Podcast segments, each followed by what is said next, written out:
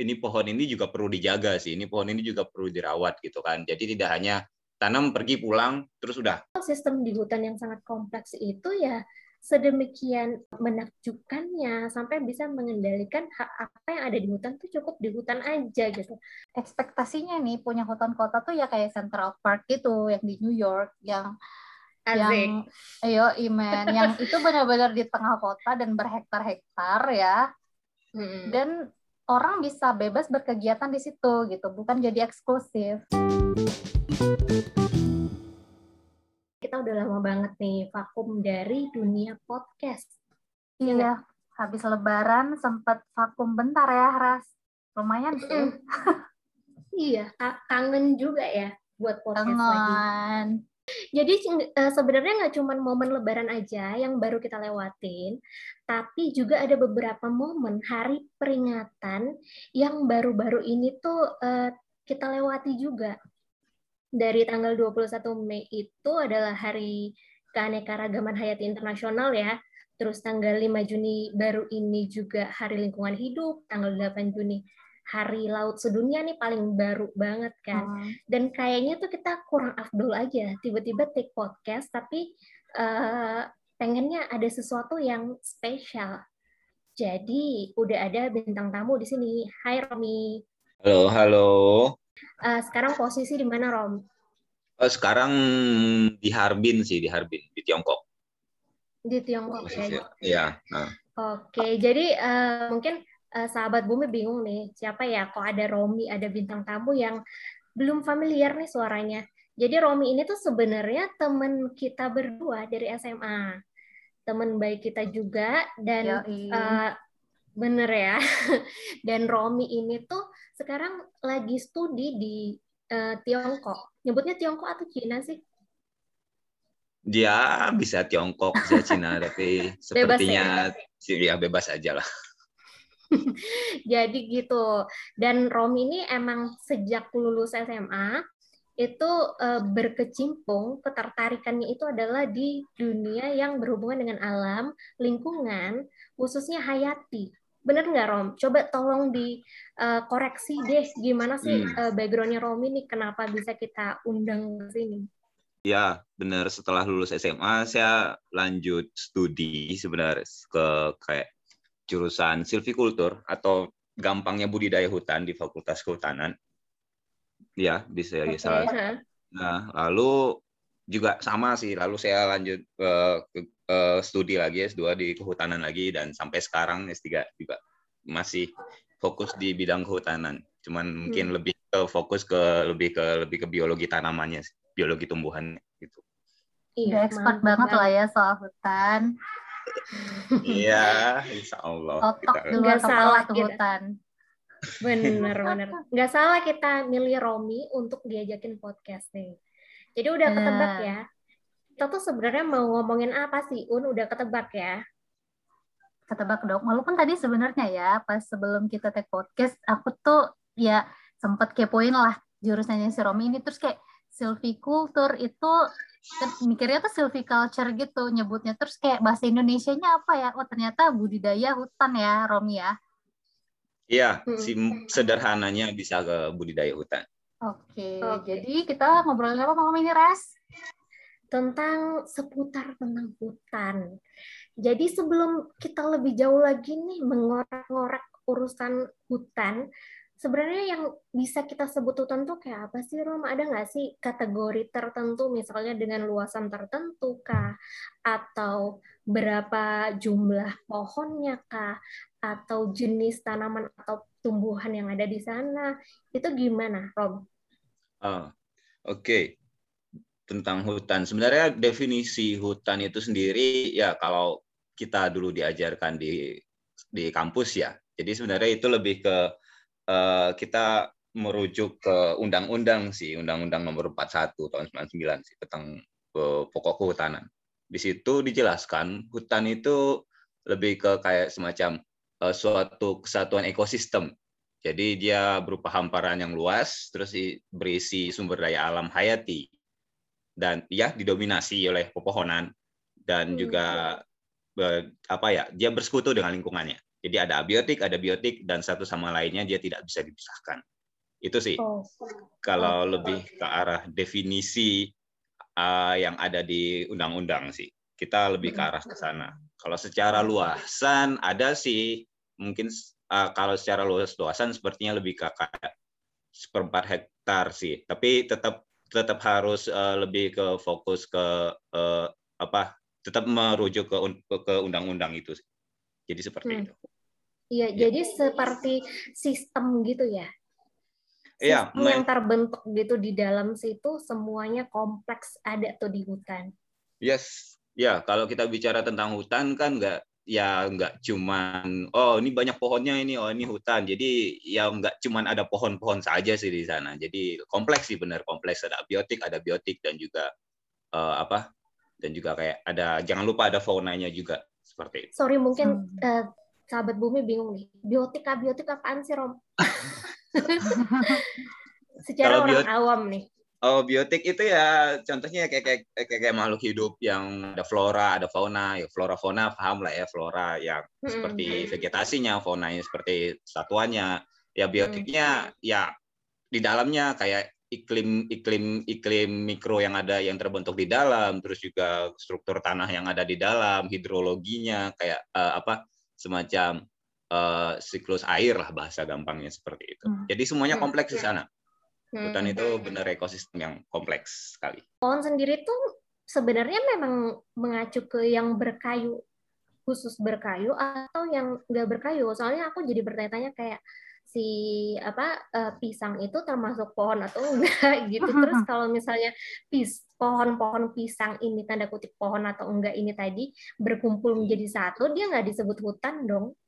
Ya, hmm. good. itu pertanyaan yang bagus ya. Ya, sebenarnya kalau secara definisi pohon itu apa sih? Um, ini dijelasinnya mungkin lebih ke lebih ke fisiologi fisiologi tumbuhannya ya.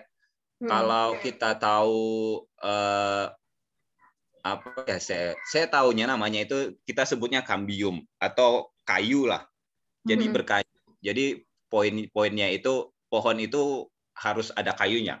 Ya, hmm. nah, berkayu. Jadi kalau secara biologinya kita bilangnya dia ada ada secondary pertumbuhan sekundernya yang ke samping itu, terus juga dia punya kambium di dalamnya. Kalau secara ininya, nah tapi kalau misalnya sebut pisang itu pohon nggak? Eh, hmm. Bukan pohon itu, karena dia tidak punya sistem seperti itu. Hmm, hmm. Seperti itu. Kambium itu tuh lingka, apa uh, lingkaran tahun apa? Iya nggak yes. sih? Iya, hmm, iya bisa tahun. kita lihat dari itu. Itu lingkar tahun. Ya, itulah. Itu itu hmm. yang definisi pohon yang yang saya pahami sih sampai sekarang. Pohon tuh kan uh, ada pertumbuhan ke samping. Kalau kita hmm. un pertumbuhan ke samping pohon kali. Aduh, yeah. tumbuh tuh ke atas kalau kata iklan. Bukan ke, bukan ke, bukan ke samping. Iya. yeah. Nah, Rom, gitu. uh, hmm. kan tadi uh, definisi hutan itu kan kompleks banget ya. Uh, hmm. segala sistem yang yang ada di dalam hmm, apa namanya? yang ya pokoknya yang ya, apa hutan itu adalah sebuah sistem yang berjalan uh, dengan dengan alami lah gitu ya. ya. Nah, hmm. pentingnya peran hutan itu sebenarnya apa sih? Maksudnya kan kadang kita hutan-hutan ayo uh, kita jaga hutan, tapi sebenarnya hmm. pentingnya hutan itu apa sih bagi kehidupan kita? Oke, pentingnya hutan. Ya, sebenarnya jadi hutan itu kalau kita teman-teman di kehutanan tuh biasa bicaranya seperti ini. Hutan itu uh, sumber kehidupan dan juga sumber penghidupan kita penghidupan. Jadi kenapa pertama kita bahas dulu kenapa sih sumber kehidupan? Ya kita semua tahu lah kalau misalnya ya untuk memberi contohnya kayak jasa lingkungan yang disediakan oleh hutan kayak persediaan air bersih segala macam terus juga penyaringan polusi udara yang kita tahu oh hutan ini adalah paru-paru eh, kayak semacam paru-paru dunia kayak gitu. Terus hmm. juga uh, apa mencegah kayak juga salah satu cara untuk mencegah erosi dan yang paling penting juga di hutan ini juga sebagai habitat bagi satwa liar dan juga uh, berbagai macam jenis uh, jenis ya yang saya bilang tadi flora dan fauna gitu kayak bio kan kita tahu Indonesia adalah salah satu uh, negara yang memiliki biodiversitas terbesar dunia peringkat ketiga kalau tidak salah setelah Brazil Itu hmm. itu bagian itu bagian bagian uh, untuk kehidupannya. Untuk penghidupannya ya itu juga sebagai sumber kita tahu itu juga sebagai sumber pangan dan pangan juga ada di sana, papan, sandang semua juga berasal dari sana. Terus juga secara juga ada secara ekonominya pun juga bisa bisa kita bisa kita dapatkan di sana gitu. Dan kita juga tahu kan dulu uh, masyarakat masyarakat sekitar hutan pun juga masih uh, ber, ber apa ya bergantung pada pada hutan seperti itu sih.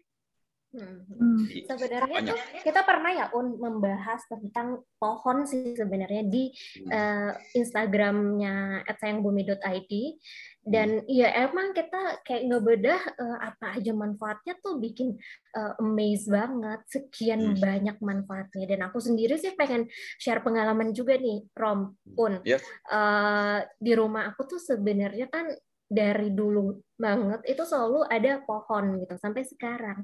Tapi pohonnya ganti-ganti ya, bukan di pohon yang dari dulu tuh masih ada enggak sih. Uh, cuman mas dari zaman kakek nenek tuh rumah rumah ini kan sudah ada ya rumahku ya. Uh, mamaku pun juga uh, sampai cerita uh, kalau uh, dari zaman kecil dari mamaku kecil ya bukan zaman aku kecil itu air sumur di rumah kita tuh alhamdulillah loh nggak pernah kering dan kualitasnya bagus banget, jernih, bagus banget. Dan uh, di saat musim kemarau, tetangga-tetangga pada mengalami kekeringan, kita tuh alhamdulillah berkah banget bisa berbagi ke mereka jadinya. Jadi uh, dulu sih aku nggak pernah menyadari fakta itu ya karena aku dari lahir ya udah taunya sumur ya pasti airnya nggak akan pernah kering terus sumur itu ya airnya sejernih itu aja gitu. Tapi makin ke sini makin ke sini uh, makin banyak belajar soal lingkungan juga. Oh ini tuh sebenarnya tuh uh, karena masih banyak pohon itu juga ngaruh banget ke cadangan air tanah terus juga ke kualitasnya juga. Iya nggak sih uh, Rom? Un? Yes yes yes. Hmm. ya ya itu itu itu itulah salah satu kelebihan kelebihan apa manfaat-manfaat yang bisa kita dapatkan kalau misalnya kita kayak uh, bisa kayak apa kayak menanam pohon seperti itu terus juga um, merawatnya ya jangan lupa juga gitu. Terus juga itu juga manfaatnya sih salah satunya Iya iya iya, benar-benar. Uh, kalau misalnya kamu on ada nggak pengalaman dengan pepohonan mungkin? Um, nggak begitu ya karena uh, karena di rumah juga um, nggak nggak apa ya nggak ada pohon ya nggak ada pohon ya karena emang perubahan gitu jadi nggak ada pohon yang gede gitu tuh nggak ada. Cuma dulu emang ada pohon mangga gitu. Tapi um, ya karena aku masih kecil jadi aku nggak begitu ngerasain ininya ya ngerasain efeknya. Karena rumah juga nggak pakai sumur jadi nggak um, ada nggak ada yang secara ilmiah itu secara alami itu dirasakan manfaatnya sih nggak begitu. Cuma kalau kayak ya standar lah kayak bikin teduh terus banyak burung-burung uh, apa namanya bersarang gitu di apa di pohon terus ya uh, menikmati hasil dari pohonnya gitu kan. Mm-hmm. Cuma tadi aku juga agak penasaran sih sama uh, apa namanya si uh, Romi tadi bilang kalau hutan ini punya punya fungsi ekonomi ya Rom ya. Yes. Nah kan kita tahu nih ada hutan produksi gitu ya. Tapi itu berarti masih kan itu aku nggak paham sih. Mungkin Romi bisa jelasin. Uh, hutan produksi itu apakah dia kayak satu jenis pohon hmm. uh, atau gimana sih sebenarnya secara definisi? Oh, hutan produksi. Ya, sebenarnya hutan produksi. Jadi hutan yang ada hutan yang kita miliki secara aturan kompleks nih, kalau secara aturan. Hmm. Jadi ada beberapa tipe hutan sih. Kalau misalnya kita bicara hutan produksi, yes, ada hutan produksi yang memang ditanam jadi ditanam, ditanam terlebih dahulu, terus nanti baru diambil ininya apa uh, hasilnya itu hmm. kita sebut kayak hutan tanaman industri. Nah, seperti itu hmm. hutan tanaman industri. Nah, itu juga biasanya kalau di Indonesia itu terkenal kayak kayak produksi-produksi kertas mostly dari situ, mostly dari hutan tanaman industri. Lalu Berarti pohonnya sejenis dong ya? Ya, pohonnya sejenis. umumnya hmm. mereka mereka menanamkan pohon satu jenis, satu atau dua jenis, tapi biasa hmm. dalam satu hamparan fokus ke satu jenis. Satu lagi hutan produksi, ya bisa kita bilang hutan produksi. Jadi hutan alam produksi, HPH kayak yang seperti itu hutan produksi. Hmm. hmm. Jadi uh, itu juga diambil juga dari alam, itu juga ada. Nah untuk seperti itu mereka biasanya mereka menggunakan beberapa teknik silvicultur sih di dalamnya dan itu wah itu lebih detail lagi dalam lebih lagi nanti. lagi ya. Oh, iya. iya. Berarti tapi itu tetap jadi kuliah ya, benar. jadi hmm. kuliah satu lima SKS nih kayaknya ras kalau bahas Aduh, itu. Iya. Mantap. tapi tadi benar ya itu dibilang hutan juga ya istilahnya. Iya, secara secara ininya masih di masih dibilang hutan karena secara hmm. namanya juga masih dianggap sebagai kayak seperti hutan tanaman industri, itu juga ada juga hutan kayak ya seperti itu sih tetap mm -hmm. kalau karet tuh termasuk hutan juga itu karet wad hmm, karet. karet Waduh, ini pertanyaan. Ya, kalau secara jenis pohon jenisnya karet itu pohon. Iya, bisa hmm. kita bilang hutan. Itu juga hutan. Jadi ada beberapa juga yang sebut itu hutan karet. Iya, bisa kita sebut itu hutan juga. Hmm. Tapi kalau sawit nggak bisa dong disebut hutan. Ah, Yes.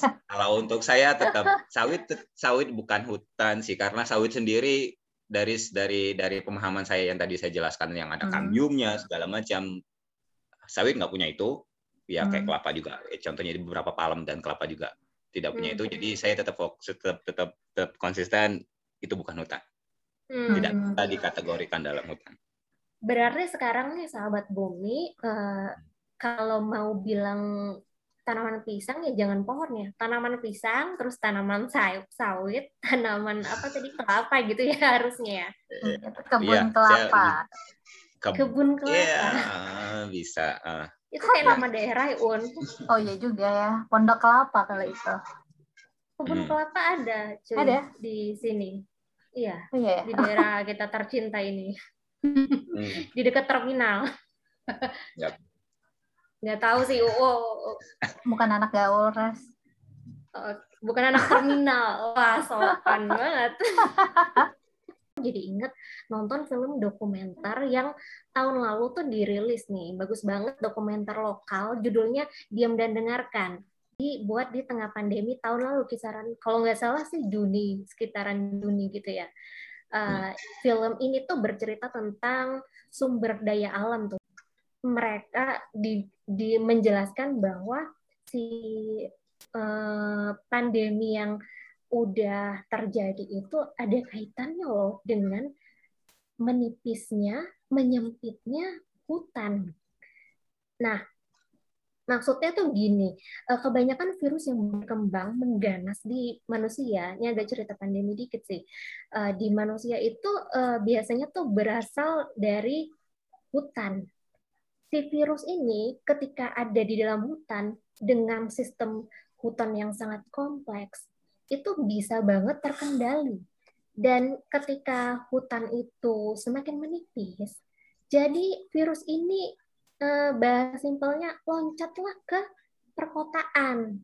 Dan sampai di perkotaan eh, udah beda banget kan eh, segala macamnya kondisi semuanya virus ini bisa aja jadi mengganas gitu. Nah, uh, di situ tuh dijelasin soal gitu kan. Ya make sense juga sih. Emang sekarang hutan juga makin uh, menipis dan itu mungkin salah satu ini ya, salah satu uh, bukti kalau sistem di hutan yang sangat kompleks itu ya sedemikian uh, menakjubkannya sampai bisa mengendalikan hak apa yang ada di hutan tuh cukup di hutan aja gitu. Terus di situ juga ada capture yang ngebahas tentang uh, orang rimba atau biasa kita kenal sama uh, suku anak dalam untuk di Jambi kan ada kan ya.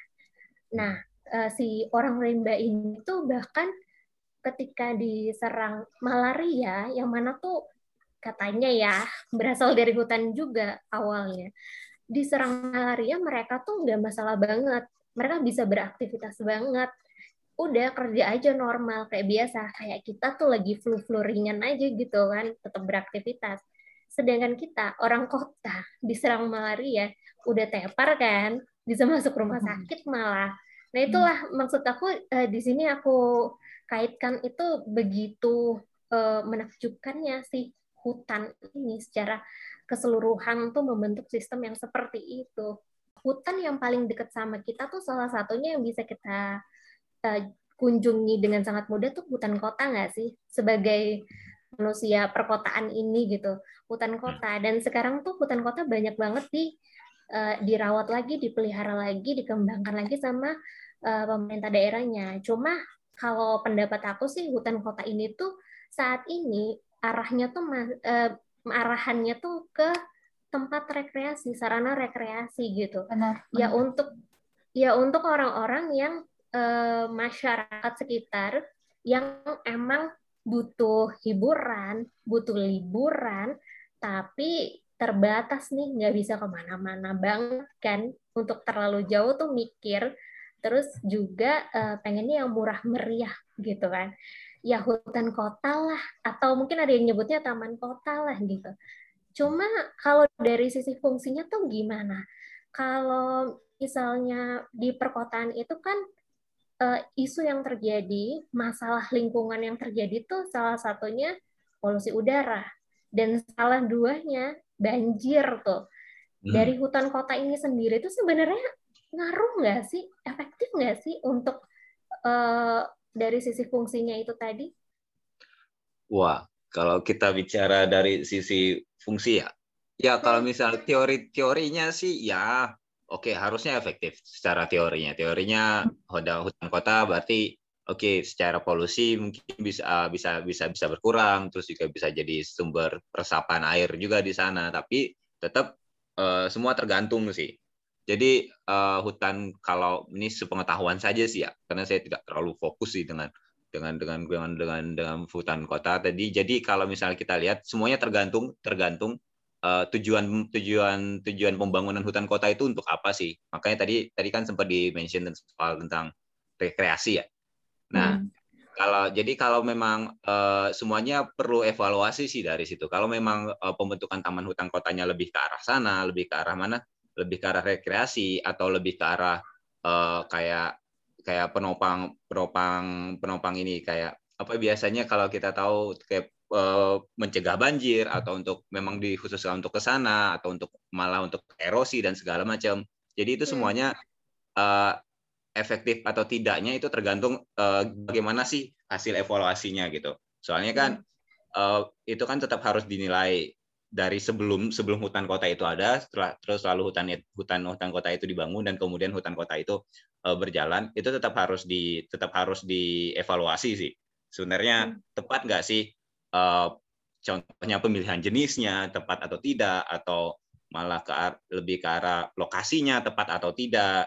Jadi hmm. ada banyak ada banyak hal-hal yang yang harus uh, apa yang harus di dicek, yang harus dievaluasi lah, harus dicek and recheck setelah setelah melakukan itu. Tidak tidak sekonyong-konyong. Oh, kita di sini untuk menahan banjir kita langsung bikin hutan kota hutan kota gitu.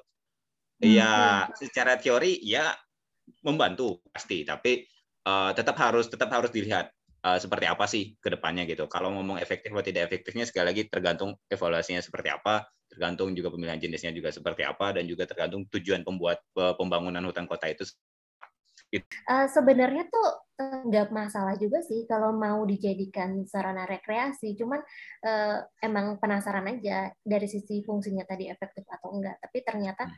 ya tetap aja masih efektif ya daripada nggak ada lahan hmm. hijau sama sekali ya, ruang yes. terbuka hijau ya nggak? Yes. yes. Iya, itu itu tetap harus tetap harus dipertahankan sih. Jadi pembukaan ruang, jadi ruang ruang kita ngomongnya RTH ya, jadi ruang ruang terbuka hijau hmm. itu tetap harus di maintain terus sih, kita tetap harus dibangun juga sih untuk hmm. menjaga menjaga ya paling tidak kita ngomongin masalah polusi udara apalagi dulu tadi di kota-kota besar contohnya gitu nyambung soal tadi si Romi mention ruang terbuka hijau itu menarik sih uh, aku jadi jadi ter ter trigger nih uh, hmm. jadi kan si um, hutan di sebuah daerah itu kan menurut peraturannya nih luasnya minimal 30%. Nah, um, apa namanya? Cuma ya memang kalau mungkin di kota-kota besar, apalagi kalau kayak Jakarta itu kan buat di buat punya hutan seluas 30% itu udah mati-matian banget nggak sih? Um, hmm, benar. Jadi um, ya terpaksalah mereka bikin hutan kota gitu. Hmm. Um, ya salah satunya mungkin uh, untuk untuk mencapai uh, requirement itu, tapi juga uh, tetap bernilai ekonomi gitu. Padahal kan sebenarnya pengennya itu uh, hutannya ini hutan alami gitu ya, uh, hmm. yang masih maksudnya luas 30% itu harapannya yang alami gitu. Cuma ya karena keadaannya seperti itu, sudah banyak lahan terbangun, jadi ya terpaksalah dibuat uh, hutan gitu di situ. Ya, paham. mau nggak mau, akhirnya mau kayak mau.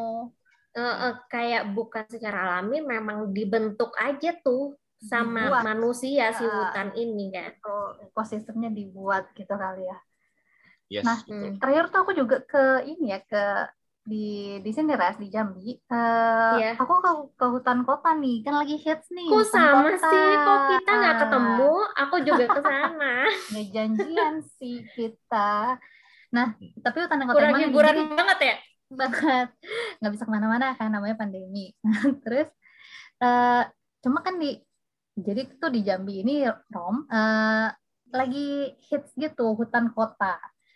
Hmm. Yang lucunya lagi uh, orang karena lagi hits ya orang beramai-ramai lah ke hutan kota ya nggak ras mm -mm.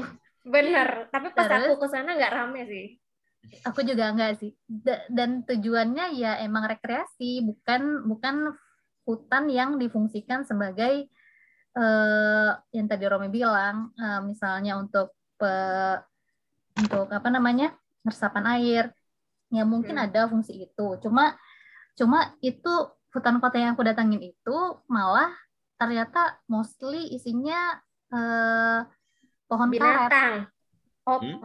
kirain mau binatang. Pohon karet. Binatangnya kencang banget lagi. Tapi dan ada kayak kebun binatang gitu ya keras. Benar-benar mini zoo eh, gitu, ada ya, rusa-rusa ya, gitu. Benar, Kita berarti pergi ke ke, ke taman kota eh hutan kota, kota yang sama. sama. Iya. Tapi di waktu berbeda ya. Iya, itu lucu juga sih itu hutan kota. Apa mungkin sebenarnya nggak usah disebut hutan deh, taman aja gitu ya nggak sih? Tapi mungkin ya, mungkin supaya supaya tadi ya, supaya istilahnya punya hutan kota nih, ya jadi disebut hmm. hutan walaupun isinya mostly malah rekreasi orang piknik gitu ya nggak sih? Hmm, iya. Ya di sana ada ayam ketawa. Apa tuh ayam ketawa? ayam ketawa yang kalau misalnya dia berkokok habis berkokok dia ketawa suara ketawa orang gitu hmm. pernah denger ya serius pergi lagi deh ke hutan kota ntar cari ayam ketawa beneran dia ada ayam ketawa rusa terus apa lagi ya kayak ada hewan-hewan gitulah. Tapi ya lumayan lah buat ngirup udara segar. Atau mungkin yeah. sih pemerintah nggak mau ganti namanya tetap mau pakai uh, istilah hutan tuh biar meningkatkan awareness orang juga terhadap hmm, hutan hmm. gitu. Makin kenal tuh sama hutan membiasakan diri untuk uh, pergi ke hutan gitu. Bukan ke mall aja gitu ya gitu ya iya sih. Tapi juga apa kayak di Jakarta kan juga ada tuh hutan kota hutan kota di GBK itu kan.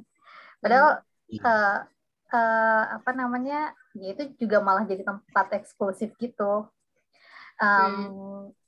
padahal aku mikirnya ekspektasinya nih punya hutan kota tuh ya kayak Central Park gitu yang di New York yang Asik. yang ayo imen yang itu benar-benar di tengah kota dan berhektar-hektar ya hmm. dan orang bisa bebas berkegiatan di situ gitu bukan jadi eksklusif Hmm. Uh, maksudnya ya orang jogging, orang piknik, orang um, ya ngapa apa apa ngapain ngapain deh di situ gitu. Hmm. Kayaknya di mana-mana sih hampir semua ada punya hutan kota deh. Iya, apalagi aku ya, selain di Jambi tuh pernah juga di daerah BSD tuh dan itu uh, sih kalau menurut aku nggak eks, nggak nggak kayak eksklusif eksklusif banget sih ya standar hmm. aja orang bisa masuk bisa segala macam beraktivitas kayak gitu ya kayak kayak yang di Jambi juga lah um. yang di Jambi mau eh, bisa masuk sih tapi ke tempat rekreasi ini ditarikin tiket kan oh iya betul kalau di sana nggak sih nggak ditarikin tiket hmm. nah Rom hmm. um, apa kan karena tadi hutan tuh sepenting itu ya bagi kehidupan kita. Jadi tuh banyak um, uh, gerakan-gerakan, inisiatif-inisiatif dan yayasan ataupun kayak kegiatan-kegiatan di kampus nih um, bikin aksi tanam pohon gitu. Dari udah lama lah ya itu. Dan mas, sampai sekarang juga masih masih um, masih bergaungnya masih bagus lah nih aksi tanam pohon. Dan semakin mudah itu melakukan donasi-donasi untuk uh, aksi tanam pohon di era digital sekarang kan. Nah, gimana tuh menurut kamu? Wah, untuk untuk ini ya kegiatan tanam pohon ya. Sebenarnya juga dulu waktu zaman mas kuliah satu juga juga sempat mengadakan kegiatan-kegiatan seperti ini. Ya sebenarnya kegiatan itu bagus sih bisa mengembalikan kualitas lah kualitas kualitas kualitas ini kualitas lahan terus juga uh, untuk segala macamnya. Terus juga sekalian untuk pendidikan ke, ke ke masyarakat luas. Kalau misalnya menanam pohon itu baik dan juga hmm. untuk pengetahuan ke sana gitu. Tapi uh, mungkin selama ini yang yang yang agak-agak saya garis bawahi sih mungkin jangan terlalu kita jangan sampai hanya terlalu fokus menanam pohon tapi kita lupa untuk uh, ini pohon ini juga perlu dijaga sih ini pohon ini juga perlu dirawat gitu kan jadi tidak hanya tanam pergi pulang terus udah nggak nggak ada nggak ada nggak ada apa nggak ada tidak lanjutnya seperti apa sih ke depannya gitu mungkin hmm. ke depan paling harusnya ya jangan hanya menanam pohon. Kalau secara kegiatan itu bagus, tapi harapannya mungkin ini lebih ke misalnya ke penyelenggara kali ya, ke penyelenggara. Karena saya ingat sekali waktu zaman-zaman dulu melakukan kegiatan ini, kita uh, kegiatan menanamnya tetap kita laksanakan. Namun setelah itu kita tetap melakukan proses perawatan sampai tanaman itu, pohon itu bisa siap untuk kita tinggalkan gitu. Ya kalau untuk perawatan sih ya banyak banyak sih ya mungkin bisa salah satunya pemupukannya mungkin perlu perlu ada kegiatan pemupukan atau ke depannya itu itu akhirnya tergantung uh, seperti apa sih penyelenggara melakukan apa me, menyusunnya ke depan tapi poinnya lebih ke arah memastikan pohon yang ditanam itu uh, bisa tetap bertahan hidup di sana dan benar-benar karena yang ditanam itu sebenarnya bukan secara istilah yang kita tanam itu bukan pohon kan yang kita tanam itu adalah bibit bibit ini hmm. harus hmm. bisa jadi pohon gitu kan kalau kita hmm. hanya menanam terus nggak jadi pohon, berarti kita nggak menanam dong istilahnya. Kita cuma naruh aja terus terserah dirimu hidup hidup enggak enggak gitu. Tapi mm ya kita harus jadi perawatannya gimana caranya kayak biasanya kita monitoring sih, monitoring uh, apakah tanaman yang sudah kita bibit yang kita tanam itu tumbuh layak atau tidak gitu. Terus nanti hmm. biasanya kita lakukan strategi-strategi apa yang bisa kita lakukan di sana gitu. Kalau contohnya kita di mangrove di mangrove kalau nggak salah itu waktu itu uh, ya kita lakukan pergantian. Kalau misalnya ada jenis-jenis tanaman, ada ada tanaman-tanaman yang awalnya kita tanam, uh, hmm. ada yang mati di situ, ya kita langsung ganti gitu. Jadi hmm. ada proses seperti itu. Terus nanti setiap berapa bulan sekali, biasanya sampai satu tahun, sampai satu tahun setelah kegiatan, setelah kita tahu, uh, kita bakal assess lah, evaluasi. Oke, okay, pohonnya sudah siap, udah udah udah bisa siap kita tinggalkan dan bisa bisa hidup sendiri lah bahasanya ya sudah baru kita bisa bisa kita lepas gitu. Ya anggap saja apa yang kita tanam itu kayak kita punya anak, anak kita baru kita rawat. mau bilang gitu. Iya. Anak kita kita kita rawat, nanti hmm. setelah dia sudah memang sudah bisa mandiri, baru bisa kita lepaskan gitu. Tetap uh, aksi menanam pohon itu bagus sampai ada seribu pohon, sejuta pohon dan segala hmm. macam. Kalau misalnya kita lihat sekian banyak kegiatan pohon, kegiatan menanam hmm. pohon, logiknya, logisnya, nalarnya pasti iya. sekarang banyak banget dong pohon yang ditanam, pohon yang ada sekarang gitu, pohon yang eksis hmm. sekarang. Mungkin Betul. sudah lahan-lahan yang sudah berhutan itu pasti sudah banyak dong seharusnya kan. Hmm, idealnya nah, sih gitu ya. Kan bahasanya kalau hmm. bahasanya kegiatan itu mungkin sebelum kita hmm. sebelum saya masuk kuliah pun mungkin juga sudah pernah dilaksanakan. Setelah saya kuliah pun juga masih dilaksanakan bahkan sampai sekarang. Logikanya wah harusnya banyak dong lahan-lahan yang sudah punya pohon. Kok enggak mungkin apa kita harus oh mungkin sekarang mungkinlah kita stop nanam pohon tapi hmm. kita coba tapi kita coba rawat ini pohon, rawat ini apa yang sudah ada, apa yang mungkin sudah kita tanam dan mungkin kalau memang sudah ada perlu lahan lagi yang harus ditanam seperti hmm. lahan kritis, yuk kita hmm. kita tanam sana. Tapi ingat jangan hanya ditanam, harus dirawat. Mungkin seperti itu. Iya sih, uh, menyambung dari omongan si Romi ini tadi, kalau emang dari dulu sudah banyak pohon yang ditanam, banyak uh, aksi-aksi ini ya harusnya sekarang uh, pohon tuh udah banyak banget dan hmm. Iya kenyataannya banjir ya masih banjir aja kan ya kan polusi ya masih polusi aja uh, bencana kekeringan ya masih ada gitu ya nggak sih hmm. Hmm. Hmm. Itu itu logis log, logikanya aja sih kalau misalnya kita mau mikirkan sampai ke sana gitu. Tapi lama juga ya, Rom. Satu tadi mangrove satu tahun ya.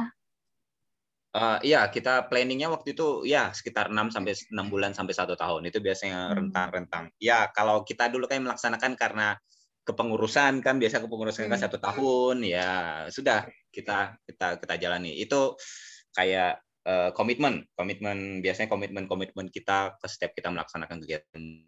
Mungkin be beda ini ya. Uh, kalau di hutan itu kondisi real di lapangan akan beda dengan di halaman kan pastinya banyak banget faktor-faktor lainnya misalnya hewan lah iya nggak sih bibit ditanam terus nanti di di uh, apa sih obrak-abrik sama hewan lah di sekitarnya karena ya real di lapangan kan pasti akan beda banget dengan di rumah nggak sih? Hmm, ya sih, ya. Kalau secara itu iya. Kalau di rumah ya kayak kata diri mau tadi tanam aja terus nggak dilihat. Ya mungkin sebenarnya masih bisa terkontrol sih kondisinya. Tapi kalau udah di hmm. lapang, hmm. udah segala macam dengan mungkin lahan terbuka, dengan terik matahari, dengan apalagi kondisi, kondisi tropis di Indonesia gitu kan. Hmm. Apalagi nanamnya pas musim kemarau ya pasti banyak masalah nanti di sana kayak tanamannya mati atau memang ketidaksesuaian jenis pohonnya. Nah, itu juga penting ketidaksesuaian hmm. jenis pohon yang di yang dipilih untuk menanam di lahan di sana itu juga jadi pengaruh. Itu juga sih. Hmm. Jadi ya sekali lagi mengarah ke tanam pohon jangan sampai apa yang ditanam kita ngasal aja nggak nggak nggak nggak coba lihat lahannya seperti apa sih cocok nggak sih jenis tanaman yang kita bawa ke sana gitu. Atau hmm. atau seperti apa itu juga harus harus clear sih di di awal. Sebenarnya kita tuh udah lama kan ya dan dengar istilah nih dari zaman SD banget gitu kan. Bahkan masuk ke dalam soal ujian anak SD itu adalah istilah reboisasi remboisasi adalah bla bla bla bla bla bla gitu kan. Itu tuh familiar banget kan zaman dulu. Tapi tuh sekarang reboisasi ini tuh nggak populer lagi kan. Jarang banget kita dengar istilah ini. Ada apa dengan reboisasi? Ada apa ya? Ada apa dengan reboisasi? Oke, oke, oke. Uh, jadi begini, sebenarnya reboisasi itu sendiri sih uh, ya kalau misal teman-teman belum kayak semacam jarang mendengar reboisasi reboisasi tapi teman-teman tahu re, reforestasi kan sering dengar kata-kata itu kan reforestasi itu. Ya. itu adalah reboisasi hmm. jadi lebih ke arah hanya lebih ke arah permainan term sih permainan istilah sih ke arah sana hmm. gitu. Jadi kalau itu sih akhirnya coba coba coba discuss discuss banyak lagi sama teman seperti apa sih yang sebenarnya terjadi gitu. Ternyata itu lebih ke arah lebih ke arah term sih, lebih ke arah istilah kalau oh oke okay, reboisasi itu karena kan tujuannya kan lebih ke memulihkan fungsi ya, memulihkan fungsi hutan khususnya di kawasan dalam di kawasan hutan hmm. sih. Nah, hmm. jadi kayak tanaman hutan kembali. Nah, itu biasanya sekarang orang-orang banyak menggunakan atau penyelenggara kayak kayak penyelenggara kegiatan reboisasi itu banyak menggunakan istilahnya bukan reboisasi tapi lebih ke arah reforestasi atau kalau, kalau saya tidak salah istilah satu lagi disebutnya aforestasi. Jadi hmm. kalau tidak atau malah terbalik. Ya, jadi seperti itu. Jadi sebenarnya reboisasi juga masih ada, masih ada secara istilah itu masih ada. Kalau kita lihat di undang-undang sih, saya sekali lagi kalau untuk masalah istilah itu undang-undang banget sih kalau dilihat di undang-undang tetap ada tetap ada. Hmm. itu bagian dari bagian dari pas bagian-bagian dari rehabilitasi eh ya rehabilitasi lah, hutan dan lahan di, di bagian situ. Dan di situ bagiannya ada ada salah satunya adalah rehabilitasi. Eh reboisasi yang hmm. seperti itu. Jadi secara secara term ya masih ada sih. Dan kegiatan-kegiatan yang be, yang yang seperti apa yang eh, definisi reboisasi itu harusnya masih tetap berjalan sih kayak pengem, hmm. penghutanan kembali dan segala macam jadi seperti itu. Dan secara term memang lebih banyak ke reforestasi. Kalau saya mau melihatnya kenapa kok orang jarang pakainya? Ya mungkin lebih ke arah ya tahu sendiri lah reforestasi kok kayaknya lebih lebih lebih lebih enak gitu ketimbang di hmm. menggunakan kata reboisasi. Seperti hmm. itu sih. Mungkin juga lebih ke arah mencari funding dan segala macam biasa untuk kegiatan-kegiatan banyak yang seperti itu. Apalagi juga menyelaraskan uh, kondisi internasional juga kan. Pastikan mereka hmm. banyak menggunakan istilah seperti itu. Kalau itu hmm. setelah diskus lagi lebih ke arah penggunaan istilah sih. seperti hmm. itu. Setelah diskus lebih dalam lagi. Benarkah? Gimana pendapat uh, anak geografi juga nih? Nah, geografi. Gimana? Iya, aku juga baru sadar sih. Mungkin iya sih bisa jadi terjadi pergeseran uh, istilah aja nih di Indonesia ya khususnya.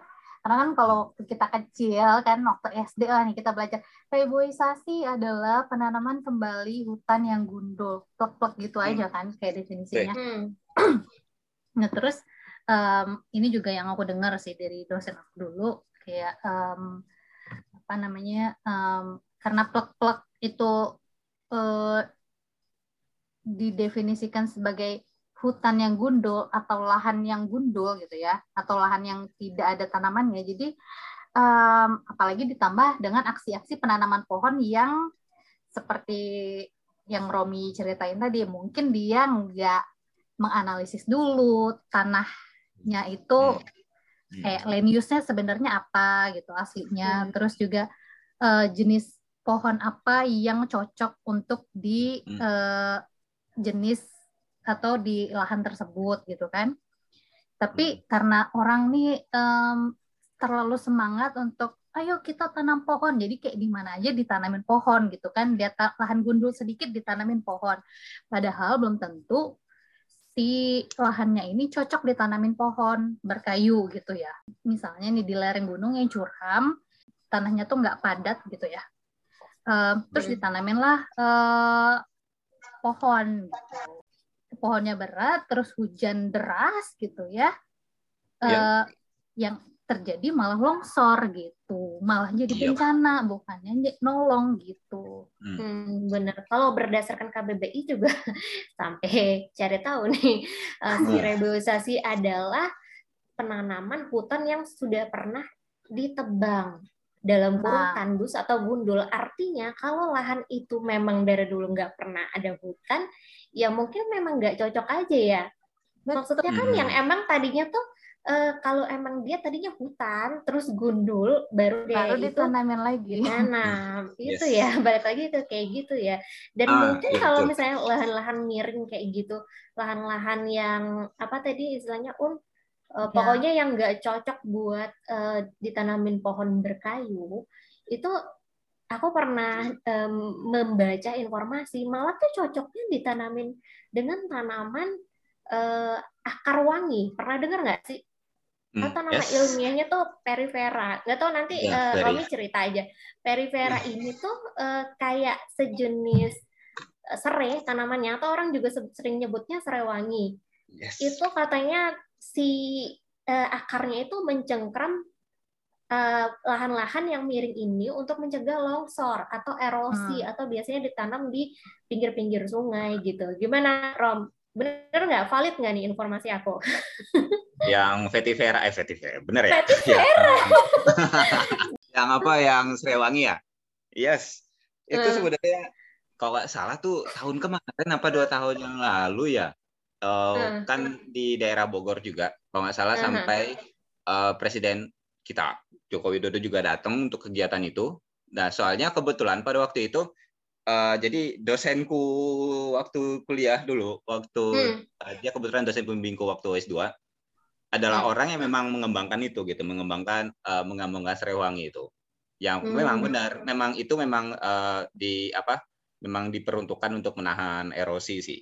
Jadi untuk hmm. kegiatan di waktu kegiatan itu karena ya di situ. Terus juga sebenarnya ada manfaat lain juga sih selain itu selain kalau untuk ini. Jadi kalau misalnya teman-teman ini kita bicara manfaat lain ya selain dia menahan erosi dan segala macam.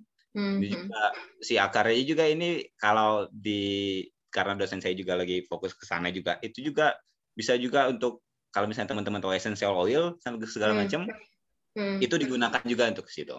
Jadi yeah, juga ada serai ya. Iya, jadi manfaatnya juga bisa ke sana. Tapi kalau untuk masalah erosi, yes, itu yang memang di itu memang salah satu manfaatnya tidak selalu pohon memang harus ditanam. Jadi disesuaikan dengan jenis-jenisnya apa, disesuaikan dengan lahan, apa jenis apa yang sesuai dan segala macam. Hmm. Tidak hanya asal asal tanam, asal oh ini pohon tanam sana. Enggak begitu caranya gitu. Ada ada ada hal-hal yang harus ditelaah dulu di sana gitu. Dan hmm. kalau misalnya coba kalau misalnya kita ambil sisi positif dari oh kok kita udah jarang dengar istilah reboisasi sih. Oh, hmm. berarti hutan gundulnya udah mulai nggak ada dong kalau positifnya begitu kan. iya juga. Udah, udah, udah mulai hutan gundulnya udah mulai nggak ada. Iya, hmm. sebenarnya ada positif dan negatifnya juga sih dari sana. Tapi hmm. ya cara sampai sekarang yang kita tahu faktanya seperti apa, ya seperti itu sih masih tetap masih akan tetap berjalan, berjalan gitu dan memang reboisasi memang dihususkan untuk untuk tempat-tempat yang memang kawasan-kawasan yang memang ada di dalam kawasan hutan gitu dan sempat berhutan sebelumnya soalnya kalau di luar kawasan hutan itu udah hmm. beda lagi setelahnya. Hmm, oke okay, oke. Okay. Berarti nanti ini ke depannya buat kalian yang punya anak usia SD jangan lagi diperkenalkan dengan istilah reboisasi ya biar agak kekinian. Jadi uh, reforestasi atau rehabilitasi hutan atau mau sekalian restorasi lahan gambut. Berat banget nih kayaknya. ya. jadi mengaitkan juga nih karena kita dari tadi ngomongin lingkungannya lebih ke arah hayati yang ada di darat ya Uh, jadi pengen cerita sedikit lagi tentang film dokumenter Sispirasi. Ya, Un. Si ya, film dokumenternya Netflix ini tuh bener-bener recommended sih buat ditonton. Di situ juga kita jadi tahu nih kalau sebenarnya uh, hutan di dar di daratan itu ternyata uh, kemampuan penyerapan emisi karbonnya tidak lebih besar daripada lautan ya tanda kutip hmm. di lautan tuh punya hutan juga loh, hutan tanda kutip yang isinya fitoplankton. Dan amaze-nya lagi sih fitoplankton ini tuh ukurannya mikroskopik loh, tapi hmm. kok impact-nya segitu besar. Bahkan kalau nggak salah berapa kali lipat dari hutan Amazon gitu, aku lupa ya persisnya gimana. Tapi uh, si fitoplankton ini tuh bener-bener uh, berdampak banget buat mengurangi perubahan iklim gitu dengan menyerap emisi karbon. Tapi, tapi, tapi, bukan berarti hutan di daratan nggak penting. Hmm. Tetap aja semuanya berjalan uh, berkesinambungan, uh, balance antara darat laut untuk sama-sama ngejagain bumi. Yap, betul. Begitu harusnya. Juga kan tadi si Romi juga mention kalau hutan itu juga sebagai rumah bagi habitat uh, flora dan ya. fauna yang ada di daratan. Ya sebenarnya sama-sama lah, sama-sama hutan dan laut. Ya, ya ada kelebihan di hutan, ada kelebihan di laut. Ya tapi tetap dua-duanya harus jaga lah. Obrolan kita seputar hutan bareng Romi belum selesai. Nantikan episode selanjutnya.